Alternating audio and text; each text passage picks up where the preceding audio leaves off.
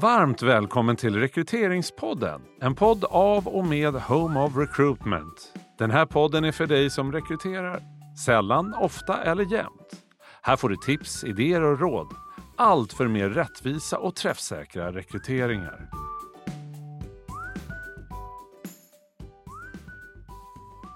Välkommen till Rekryteringspodden. Idag är det jag som sitter här, Anke Staverfelt, tillsammans med... Tillsammans med mig, Josefin Malmer. Och idag har vi förmånen att också ha här i rummet Ellen Fridner som är enhetschef på eh, rekryteringsenheten på Trafikverket. Varmt välkommen! Tack så mycket!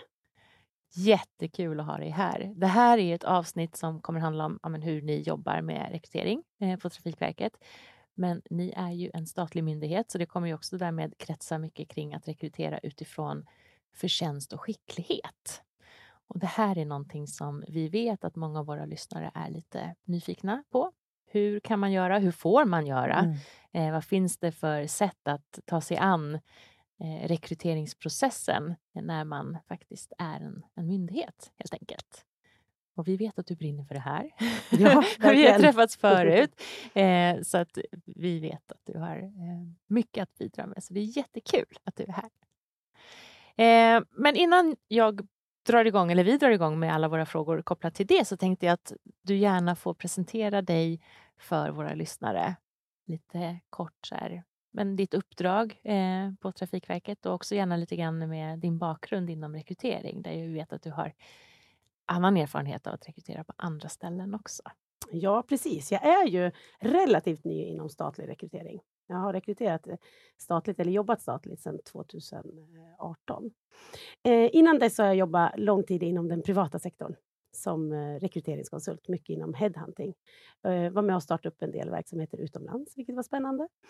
Eh, därefter, i korta drag, så har jag jobbat inom offentlig sektor. Jag jobbade i fem år ungefär med kommunal rekrytering. Mm. Eh, jobbade väldigt mycket då med begreppet kompetensbaserad rekrytering. Att implementera det i den kommun där jag jobbade. Eh, och sen då, som sagt var, sen 2018 så är jag då på Trafikverket. Jag har idag ett team på ungefär 15 eh, HR-specialister. Och sen har jag en kollega som också eh, har en identisk roll egentligen. Då. Och då har vi, det är ju, vi har ungefär 25 HR-specialister, 25-30 HR-specialister inom, inom Trafikverket. Som jobbar med rekrytering? Som jobbar med rekrytering och i stort sett alla rekryteringar på Trafikverket går på något sätt igenom, så att säga, våra, är vi med i på något sätt i olika delar. Mer eller mindre, beroende på befattning, beroende lite grann på verksamhetsområde och så vidare. Så du kan ju verkligen också jämföra, tänker jag, hur det är att rekrytera privat och inom kommun och sen nu då inom stat. Ja, precis. Och det är ju eh, det är ju spännande på det sättet att det finns väldigt mycket, tycker jag, tankar kring att det är stora skillnader. Mm.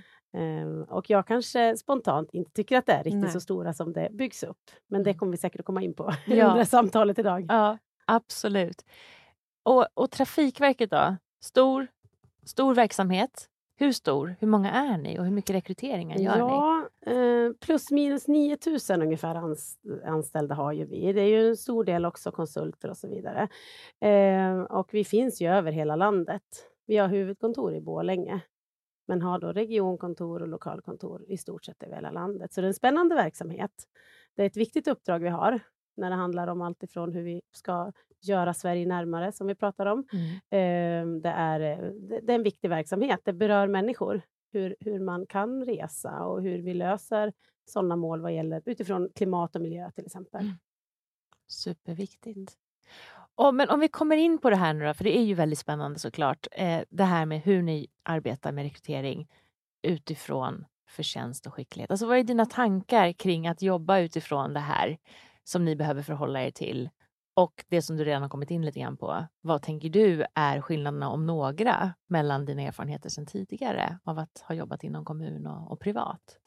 Ja, som jag sa tidigare då, så har jag ju varit väldigt inne på det som då de flesta rekryterare benämner som kompetensbaserad rekrytering. Där det är väldigt viktigt, som ni vet såklart, med en strukturerad process. Eh, det är viktigt att vi har så lite bias som möjligt så att det inte blir felkällor och så vidare. och så vidare. När jag då kom in till eh, den här myndigheten och började på fundera på det här med förtjänst och skicklighet som kändes väldigt stort, viktigt såklart, eh, och någonting som jag verkligen behövde ta till mig och lära mig nytt. Och så började jag på så, började på så smått då och gå igenom vad är skillnaden? Vad, vad finns det för skillnader som jag inte är van vid? Och, eh, jag betade liksom av, hur är jag van att jobba och hur måste man då jobba statligt? Och kom väl till den insikten att jag inte hittar så stora skillnader. Nej. Om man då arbetar, som vi då kallar kompetensbaserat, så följer man det så är det väldigt mycket att man når upp till det som skicklighetsbegreppet, som ju är det inom förtjänst och skicklighet som ska väga tyngst. Först och främst så ska vi kolla på skicklighet. Mm. Så att det var väl en, en glad överraskning för mig. För jag tycker det är så vettigt och jag tycker det är så bra. Jag tycker också det är meningsfullt att jobba med rekrytering på det sättet. Eh, så att jag har väl gått ifrån att ha en väldigt stor respekt för det här, de här statliga direktiven för tjänst och skicklighet till att verkligen vilja eh, höja upp dem och vill, är någonting som gör mig väldigt stolt att vi ska sträva efter. Mm. mm.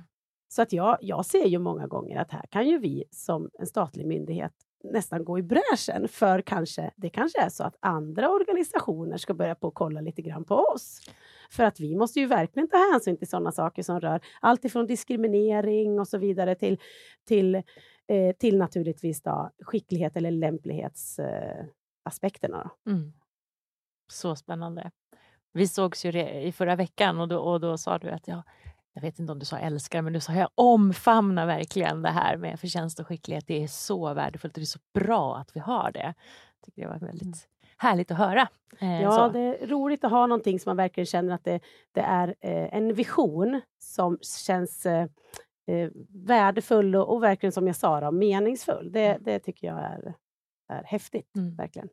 Och för våra lyssnare då som inte har koll, förtjänst, kan du definiera vad är den delen då? Som ju är det som man titta på då i nästa steg eh, när skicklighetsbegreppet eh, eller den delen är utredd. Mm. Förtjänst är ju i korta drag då, hur länge du har arbetat statligt i någon mån. Då kollar man ju egentligen på, på längden på, på en eller flera anställningar inom staten. Eh, men i och med då att den här, det här skicklighetsbegreppet då, ska, ska väga tyngre, man ska ta hänsyn till det först. Och vi idag har så många olika typer av mätmetoder där vi kan göra det. Så att det som jag ser det är ju att vi i stort sett eh, inte behöver använda förtjänstbegreppet. Och när jag säger behöver så är ju det för att jag tycker att det är bättre de gånger vi faktiskt kan kolla på den mest lämpade och inte att man då får, inte längden på en anställning utan snarare vem är, vem är bäst lämpad. Mm. Så att jag skulle nog säga att det som vi stöter på det är ju att vi inte behöver kolla på just förtjänstbegreppet för att det, vi kan ta fram den bästa kandidaten utifrån skicklighet tack vare olika, olika metoder ändå. Mm. Och begreppet skicklighet, kan du reda ut det också? Lite mer? Ja, alltså det som innefattas i begreppet är ju eh, det som, det som vi sätter upp i kravprofilen utifrån vad som krävs eh, utbildningsmässigt, vad som krävs erfarenhetsmässigt, eh, även personliga egenskaper i lämplighet är ju då också till exempel eh, prestationsförmåga utifrån det vi mäter i, kognitiv, i ett kognitivt test. Till exempel. Mm. Så det är ju det som vi traditionellt sett, det som många pratar om i en kompetensbaserad rekrytering, det är ju det, är ju det som ingår i, i det här skicklighetsbegreppet. Stort sett. Bra. Mm. Och då är ju jag nyfiken på, och säkert eh, någon som lyssnar också, tänker jag hur de här processerna ser ut hos er. Jag förstår att det finns många olika processer. Ni har ju otroligt många olika typer av yrkeskategorier som ni rekryterar till, olika tjänster som ska tillsättas. Men kan du ge ett par exempel på hur rekryteringsarbetet eller processen ser ut på Trafikverket? Ja, det vi alltid gör det är ju att eh, när vi får in ett behov så har det redan eh, det har redan gått igenom fackliga representanter har sagt sitt och så vidare. Så att, den är, så att vi kan köra igång processen. Eh, sen så tar vi alltid kontakt med den rekryterande chefen och lägger väldigt stor vikt vid uppstartsmötet. Där handlar det om att skapa ett kreativt möte för att få fram, för det tycker jag också ligger i det här skicklighetsbegreppet. För att det är en viktig del att vi också sätter upp relevanta krav. Och där måste vi göra ett jättestort jobb och skapa en miljö som faktiskt gör att chefen och vi tillsammans snävar in, Eh, gör det mätbart framför allt. Så det är ett stort jobb. Det vi också gör väldigt mycket då, då, det är ju att vi också coachar chefen i vad är, vad är då, hur mäter vi skicklighet? Så att säga? Vad är kompetensbaserad rekrytering? Vad är viktigt? Så att säga? Så det, jag skulle säga att uppstartsmötet har, har två syften. Dels att ta in information från chefen, men sen även få ut information till chefen så att, man, man, så att den känner sig trygg och känner att vi tar hand om det här. Sen projektleder HR-specialisten hela rekryteringen. Det som eh, alltid är med, det är alltid intervjuer med till exempel. Eh, det som ofta är med är tester, olika typer av tester. Och sen hur, hur tungt de ska väga, det är ju också beroende av kravprofilen. Allt är hela tiden beroende av kravprofilen. Så att vi, eh, vi försöker då designa olika processer utifrån vad som är viktigt i just den här rollen. Hur många sökande tror vi att vi får? Hur mycket kan vi kräva att den sökande lägger ner tid innan den får träffa oss? Det är ju beroende på kandidatunderlaget såklart. Så att vi designar lite olika utifrån ifall det är en väldigt svårrekryterad tjänst eller om vi tror att det kommer att vara väldigt många sökande till exempel. Sen så eh, är ju som sagt vara så är vi alltid med vid intervjuer, vi är med vid urval, men självklart så är det ju alltid chefens beslut mm. när det kommer till själva rekrytering, eh, rekryteringen. Då. Mm. Um, vi har ju på eh, Trafikverket eh, HR-partners som är otroligt duktiga när det handlar om allt som rör en rekrytering, till exempel när det har att göra med lönesättning eller vad det nu må vara. Men vi leder hela rekryteringen. Mm. Det är väl det traditionella och det är säkert ganska likt så som många andra arbetar. Men visst är det också så att ni har eh, provat på det här med att rekrytera utan CV? Ja, det har vi gjort. Och det är ju det är någonting som jag också brinner lite grann extra för, för att jag tycker att det också ligger i linje med skicklighetsbegreppet faktiskt. Eh, och varför gör det då? Det är ju för att när vi, när vi får in ett CV så får vi ju väldigt mycket information. Informationen är ju inte strukturerad. Vi får in väldigt mycket information som är överflödig. Mm. Man kan ofta räkna ut när någon är född. Man mm. kan se ungefär, har den bott i Sverige hela sitt liv? Mm. Till, exempel, till exempel, sånt som är helt irrelevant. Så att jag tycker att det ligger i skicklighetsbegreppet att ju mer vi kan göra ju, i, när det handlar om att avidentifiera, desto närmare kommer vi skicklighetsbegreppet. Och då ligger, i, i linje där ligger då att försöka att också i de, de fall det går arbeta utan CV. Det har visat sig gå jättebra i vissa av våra tjänster där vi har provat. Och vi har provat till exempel mycket inom vissa IT-tjänster. Där man kanske också har, använt arbetsprov. Då, då. då har vi märkt att det är lättare för oss att göra en bedömning Alltså det, vi, vi gör inte felbedömningar, vilket också kan vara lätt att göra utifrån CV. För vi arbetar ju då såklart då jättemycket med profilfrågor eller urvalsfrågor istället. Och då gör vi faktiskt bättre, bättre bedömningar. Vi har också märkt att det kan sänka tröskeln för en kandidat att söka jobbet eftersom det upplevs som mer relevant och många också upplever det som lite enklare istället för då att leta upp och uppdatera ett CV. Mm, som många inte har aktuellt, ja. Mm. Nej, precis. Och att, inte riktigt kanske vet vad vi efterfrågar nej. heller. Man tycker det är svårt. Och vi, vi, det blir då en kompetens att, man, att skriva ett CV blir en kompetens som vi inte har frågat efter, men ändå så blir det någonting som hindrar mm. i rekryteringen. Mm. Så att det finns många, många fördelar som jag ser med att försöka eh, arbeta, kunna arbeta mer CV-löst i många processer. Kanske mm. inte alla, men i mm. många. Mm. Jag tror att det finns en föreställning om att man inte kan rekrytera utan CV när det gäller till exempel förtjänst och skicklighet. Så att det är ju väldigt uppfriskande att få de här exemplen på att det faktiskt i vissa fall då kanske är ännu bättre. Ja, och det vi har på oss det är att vi måste ha en spårbarhet i hur vi har fattat våra beslut. Ja. För inom statlig verksamhet så kan man ju, besluten kan överklagas. Så att en kandidat som känner sig felbehandlad kan ju verkligen överklaga och ska utnyttja det tycker jag, om de känner sig, om det är några felaktigheter. Och då måste vi kunna visa på hur har vi gjort bedömningen. Och då måste det vara så att vi har i skrift hur, hur besvarade kandidaten den här urvalsfrågan till exempel. Och, och det, då handlar det om att vi har skrivit relevanta urvalsfrågor. Eh, det handlar ju om att alla får samma urvalsfrågor och det är ju självklart, det får ju alla. Så, att, mm. så att, eh, när vi har den här spårbarheten och kan då motivera varför har vi tagit, varför har vi tagit vissa kandidater och inte andra, då, då, är det, så att säga, då, då går det bra att göra så. Mm. Jättebra. Du har redan varit inne på några liksom metoder eller verktyg som ni använder för att utvärdera det här skicklighetsbegreppet. Eh, eh, finns det fler? Eller liksom, vad skulle du säga, vilka, vilka metoder använder ni er av för att utröna de här delarna som ni också då har som spårbara eh, bakåt i tiden om någon skulle komma tillbaka? Mm. Urvalsfrågor. Ja, precis.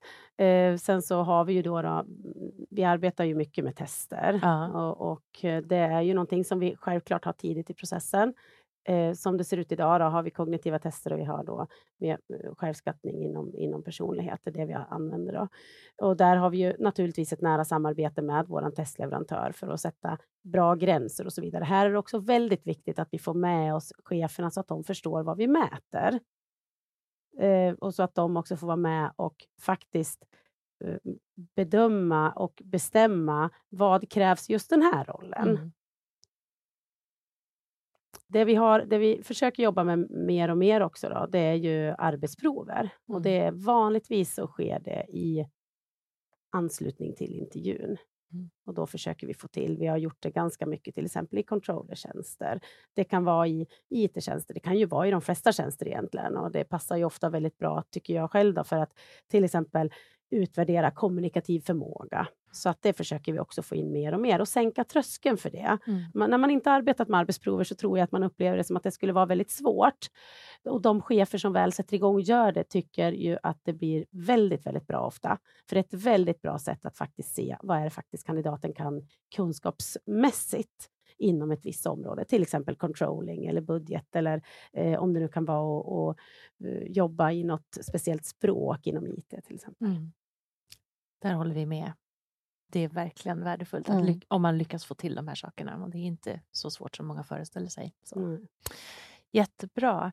Um, och du som nu har jobbat eh, inom statlig verksamhet under en tid. Vad skulle du säga, vilka är de vanligaste liksom, missuppfattningarna kring det här med förtjänst och skicklighet? Hur kan det misstolkas? Ja, det, det som jag stöter på ofta, det är en rädsla när det handlar om de hårda kraven. Eh, så att, och då kommer du över snarare kanske till det här med förtjänsten än snarare skicklighet. Att man tänker att det som normalt sett står i ett CV, det är det som är det, det vi måste gå efter och det är det som är, det är, det som är de statliga direktiven. Eh, och så kan det ha varit mer tidigare, när vi inte visste bättre. För, för 15-10 år sedan när vi inte hade de verktyg vi hade. Vi kanske heller inte hade riktigt ehm, eh, forskat på samma sätt som vi har gjort nu. Idag vet vi att det inte är det bästa sättet. Det är inte det bästa sättet att, att kolla i ett CV. För att där får vi ju reda på hur länge någon har haft en tjänst men inte hur, hur bra den har gjort det, till exempel. Då. Så, att, eh, så att det skulle jag säga är den största fallgropen och det kan göra att eh, att vi, vi ibland, då, tror jag, inom staten rekryterar lite fyrkantigt. Vi rekryterar så att säga lite, lite e, för mycket efter CV för att vi inte vågar annars. Vi är mer rädda för att göra fel än att vi faktiskt verkligen vill använda alla verktyg som finns idag och som är evidensbaserade och som, som vi verkligen alla här inne kan säga är verkligen bra metoder. Men vi tar inte riktigt till oss dem, för vi, vi vågar inte riktigt, tycker jag. Då. Mm. Och då så, då så blir det en fallgrop, som jag ser det. Så jag tror vi har, vi har en, en bit kvar där. Mm. Och då är det så fantastiskt bra med de här goda exemplen på... För vi vet ju att, att myndigheterna det gör vi ju alla, tittar mycket på vad, vad gör andra, liksom. men myndigheter kanske i synnerhet liksom, har span på vad övriga myndigheter gör. Så du, hos er finns det ju onekligen en massa nytänk och moderna processer. Eh, har du också någon, liksom, någon som du sneglar på inom eh, eh, din bransch? Känner du till ehm, några Alltså, jag, tror ju att, eh, jag, jag, tror att vi kan använda varann väldigt mycket. Mm. jag tror ju att vi kan... Att, så, så, så, jag har ju hört exempel från, det har varit några exempel från Skolverket och jag vet ju att det är andra, andra statliga myndigheter som också som, som verkligen ser på det här och har highlights på sina rekryteringsprocesser. Mm. Jag tror nog att det handlar mycket om att vi eh, om att här måste vi eh, lite grann hjälpa varandra, mm. fram varann. När det gäller snarare om vi skulle sträcka det så långt till den offentliga sektorn, där kan jag ju säga att det finns många kommuner som jag tycker jobbar jättehäftigt mm. och som verkligen har eh, jobbat på ett bra sätt när det handlar om att lite grann utmana de här begreppen. De har ju inte de här statliga direktiven på sig, men jag tycker att väldigt många jobbar helt rätt. Och jag tror att den kreativiteten som de har, till exempel alltifrån att de jobbar, jag vet att många jobbar CV-löst till exempel för att få in fler kandidater. Jag tror att vi kan lära oss jättemycket av det och våga där lite grann. Jag tror att vi är lite i, det, här, det kan ibland bli lite grann ett ok, det här statliga också. Och jag skulle snarare vilja se att det är, en, det är ju snarare en möjlighet till att få jätte, jättebra rekryteringar och verkligen få in mer mer heterogena team till exempel, att bli en mer öppen arbetsmarknad. Så det är väl där någonstans jag skulle liksom vilja ha en, en den, den liksom statliga revanschen när det gäller liksom att vi verkligen ska komma, gå ut och, och, och, gå i bräschen för det här och vara stolta mm, över det här. Det skulle jag vilja. För jag tror att det är när man börjar på verkligen se vad är det verkligen vi ska göra. Mm. Ja, vi ska se till en människas verkligen vad du kan, inte hur du ser ut och inte för att du har haft någonting på ett papper under en viss tid. Och det är ju, det är ju fantastiskt att ha de kraven. Mm. Och jag tycker det är jättebra av att de statliga direktiven är satta så här. Mm. Sen så tycker jag kanske att man skulle kunna fundera på hur är de formulerade till mm. exempel? Varför kommer förtjänst före skicklighet om det nu är så att skicklighet ska väga tyng, tyngst? Är det så att skicklighet är det bästa ordet utifrån det vi letar efter? Hade det varit bättre med att man hade använt ett ord som lämplighet till exempel mm. för att göra det tydligare? Så det finns ju saker där. Jag tänker att du och ditt team och alla som jobbar med rekrytering eh, har ju de, de, här insikterna och de här specialistkunskaperna kring ja, men det här begreppet och hur man kan hantera det på ett bra sätt.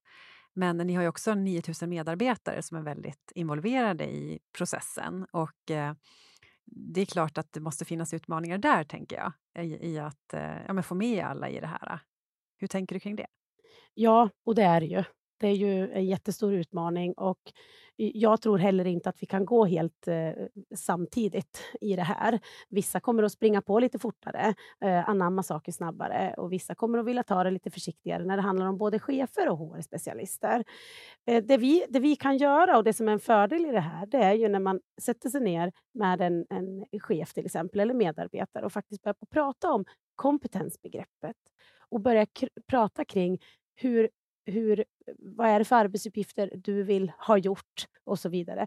Då är det väldigt lätt att komma in på just de här delarna och när vi förklarar då hur vi ska mäta olika kompetenser och hur vi vill jobba så är det väldigt, det, det ter sig ofta väldigt logiskt för chefen tror jag. Och det är när vi väl tar oss tid att prata kring det så är det lätt att få en enighet kring det. Mm. Eh, det som är det som traditionellt sett har varit rekrytering, mycket, om vi då tar 15-10 år sedan kanske, så var det ju mycket att det handlade om eh, ett eh, CV, mm, gärna ett personligt brev också. Det handlade om intervjuer och det handlade om referenstagning. Det var i korta drag så en process såg ut. Idag vet vi ju att det inte är det bästa sättet. Mm. Vi vet ju att det finns andra sätt att fånga in till exempel vad en kandidat har gjort. Och det har vi möjlighet nu eftersom till exempel rekryteringssystemen har utvecklats. Mm. Och då måste vi också utveckla våra processer i takt med det. Så det som för 15 år sedan, eller kanske 5-10 år sedan var det bästa sättet att utröna vem som var skickligast till en tjänst. Det är ju inte de bästa metoderna idag. Det mm. vet vi nu. Det var rätt då, det är inte rätt nu.